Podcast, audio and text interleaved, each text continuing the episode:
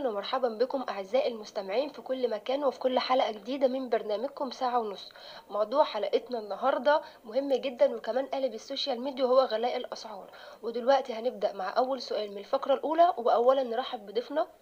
ميرسي جدا. هنسألك على سؤال ما هو سبب غلاء الأسعار؟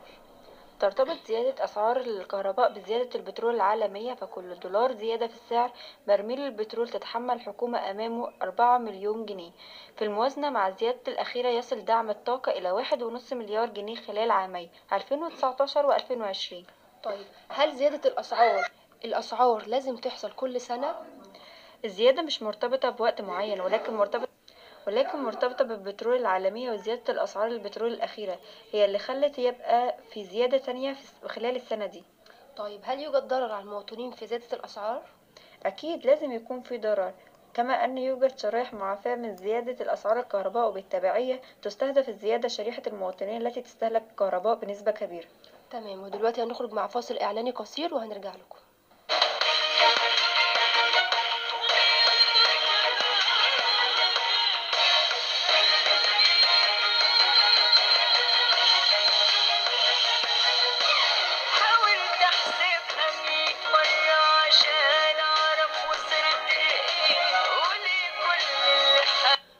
ورجعنا لكم بعد الفاصل القصير وهنبدأ مع أول سؤال في الفقرة التانية وهي ما هي طريقة علاج ضرر رفع الأسعار؟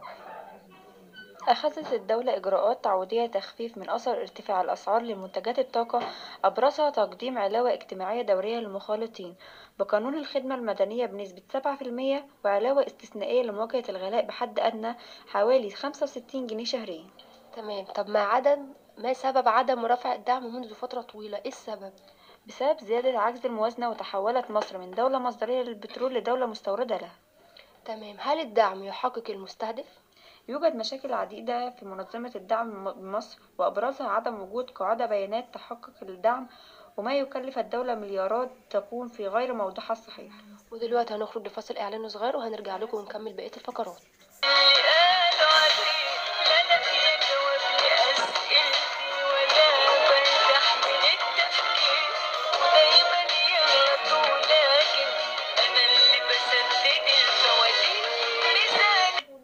ورجعنا لكم بعد الفاصل وهنقول أول سؤال من الفقرة الثالثة وهو هل الحل في إلغاء الدعم ورفع الأسعار؟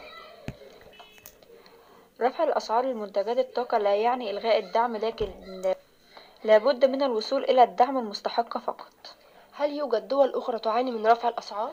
نعم يوجد دول كثيرة أجرت عملية الإصلاح ومصر من الدول المتأخرة في عملية الإصلاح ما هي دعم الطاقة؟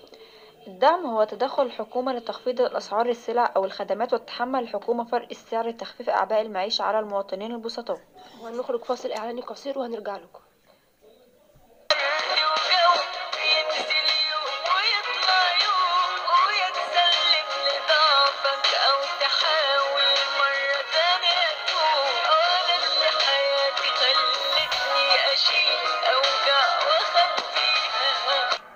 ورجعنا لكم بعد الفاصل وهنقول أول سؤال ما هو حل مشكلة الدعم؟ الحل الحل هو وصول الدعم لمستحقيه دون فئات أخرى فيصل لهم سلع أخرى بجودة أعلى طيب هل يستمر غلاء الأسعار في مصر؟ والله لحد دلوقتي إحنا لسه مش عارفين بس إحنا بندرس الموضوع كيف أدى غلاء الأسعار أثرا سلبيا على المواطنين؟ أول حاجة حدوث الفوضى بين الناس وحدوث جشع كبير بين التجار وهيكون في معاناة كبيرة بين المواطنين بسبب غلاء الأسعار. وفي نهاية حلقتنا أحب أشكركم جميعا على حسن استماع استماعكم ونشوفكم في الحلقة الجاية من حلقة جديدة من برنامجكم ساعة ونص. والسلام عليكم ورحمة الله وبركاته.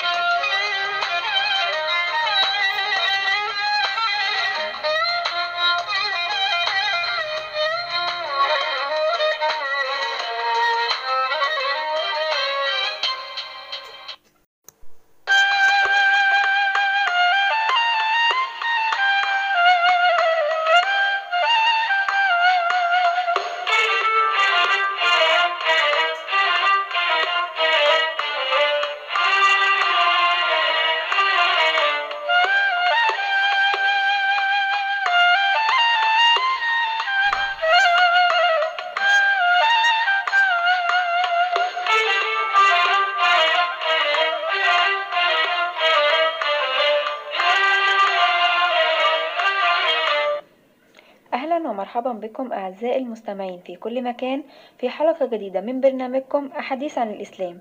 حديث اليوم مهم جدا هو انصراف البعض عن الصلاة وابتعاده الشديد عن الله. هنتكلم معاكم في أولى فقرات حلقتنا وهي أسباب الابتعاد عن الصلاة.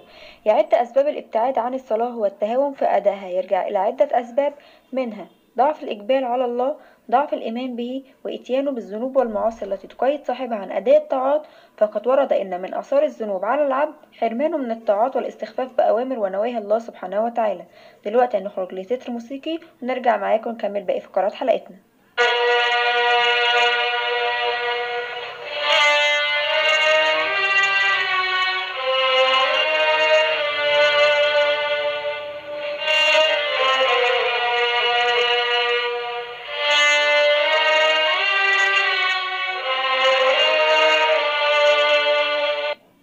ورجعنا لكم بعد الفاصل عشان نكمل معاكم باقي فقرات حلقتنا. أو تاني حاجة هنقول أهمية الالتزام بالصلاة. أمر الله سبحانه وتعالى عباده بالمحافظة على الصلاة والصلوات الخمس المفروضة لقوله تعالى حافظوا على الصلوات والصلاة الوسطى وقوموا لله قانتين فمن حافظ عليهن بالوضوء الصحيح في أوقاتهن المحدودة شرعا وأداهن كما أثر على النبي صلى الله عليه وسلم فأتقن أركانها وأحسن سننها وهيئتها. فقد كان له عهد عند الله بدخول الجنة. كما تشهد الملائكة بالمصلين من أهمية الصلاة إنها أول من يحاسب عليها الإنسان يوم القيامة. دلوقتي هنخرج لفاصل قصير ونرجع نكمل معاكم باقي فقرات حلقتنا.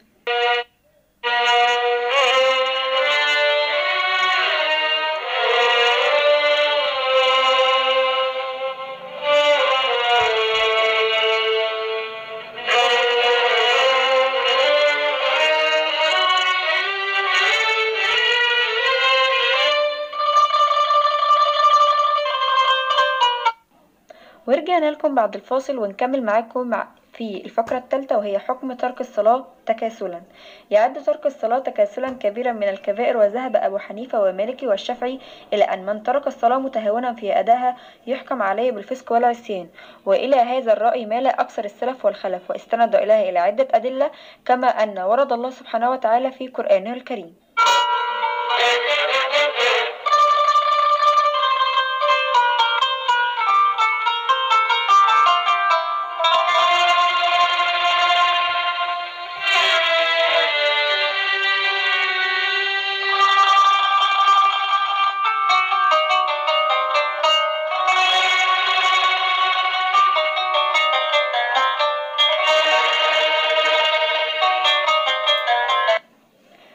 ورجعنا لكم بعد الفاصل ونكمل معاكم في آخر فقرة في حلقتنا وهي المحافظة على الصلاة وعدم تركها.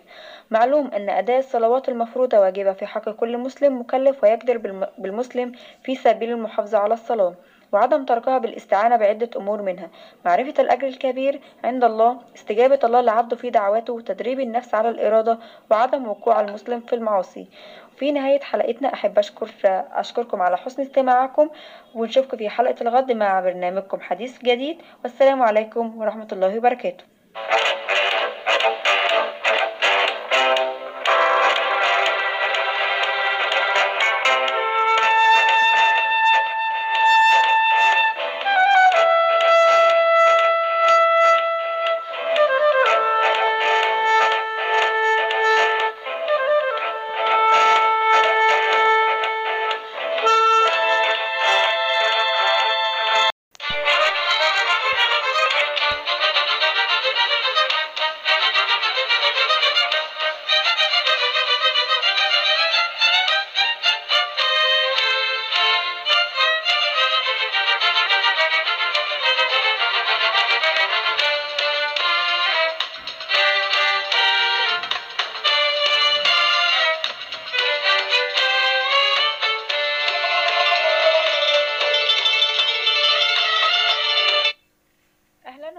بكم أعزائي المستمعين في كل مكان في حلقة جديدة من برنامجكم زواج القاصرات وإيه أسبابها وشكلها وإزاي نتخلص منها.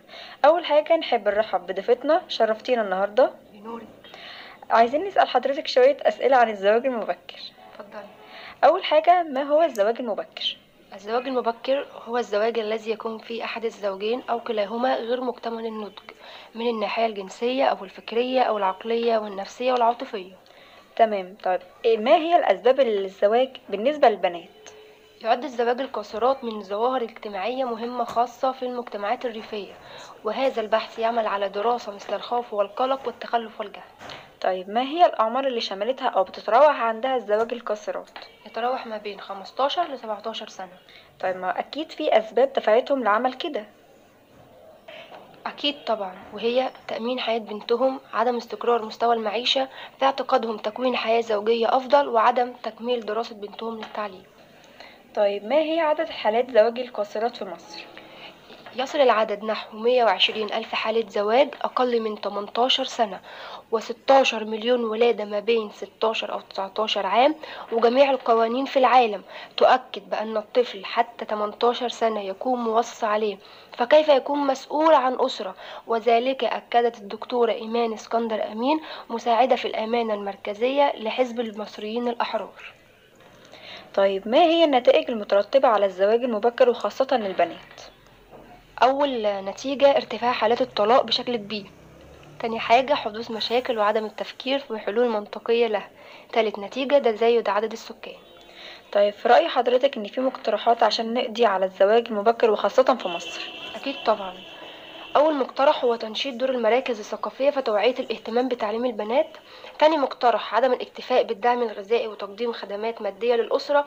تالت مقترح مشاركة الإعلان التلفزيوني والإذاعي في توعية الأسر بسلبيات الزواج المبكر للبنات وخاصة في ظل الأزمة الراهنة طيب في النهاية أحب أشكر حضرتك كنت منورانا النهاردة جدا وتشرفنا بحضرتك. وفي نهاية حلقتنا أحب أشكرك على حسن استماعكم ونشوفكم في حلقة جديدة. والسلام عليكم ورحمة الله وبركاته.